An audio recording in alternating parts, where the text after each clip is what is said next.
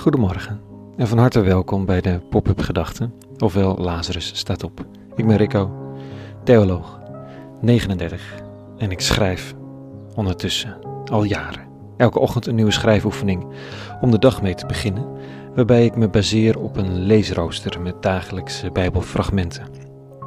Vandaag blijft er een zinnetje uithaken in de lezing over eenheid. Over het belang van de eenheid. Pop-up gedachten, woensdag 27 mei 2020.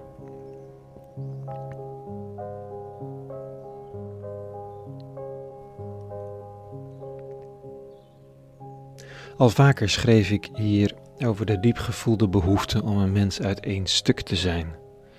Het verlangen dat mijn handelen, mijn denken en mijn hart met elkaar in samenspraak zijn.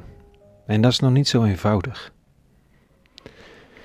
Hoe vaak handel ik niet tegen mijn eigen waarden in, omdat ik er nu eenmaal even geen zin in heb? Hoe vaak doe je de dingen niet op de automatische piloot?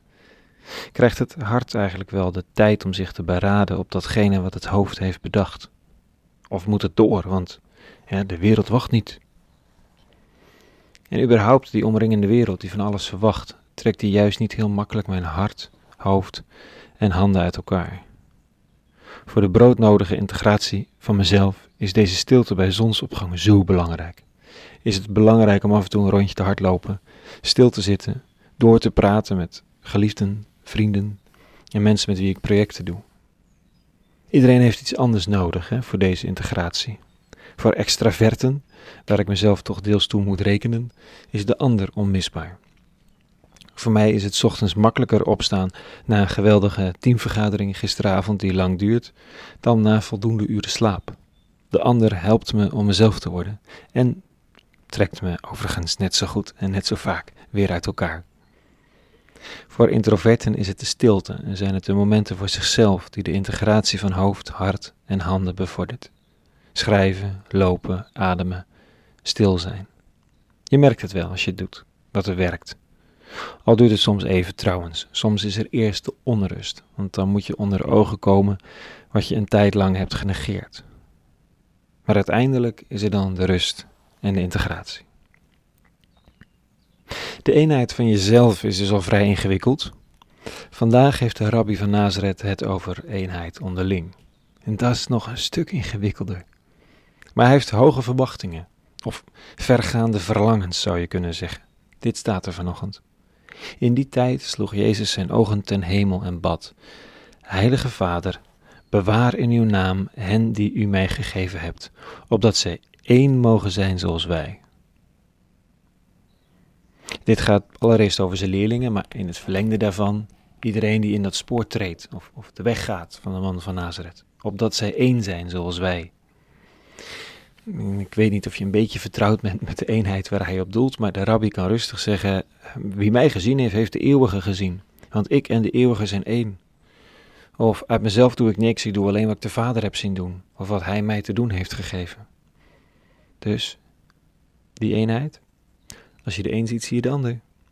Nou kunnen we het niet controleren of de eeuwige het met die beschrijving eens is, van de andere kant, maar op die aanname van de eenheid van die twee, de eeuwige en deze rabbi, is heel het christendom gebaseerd.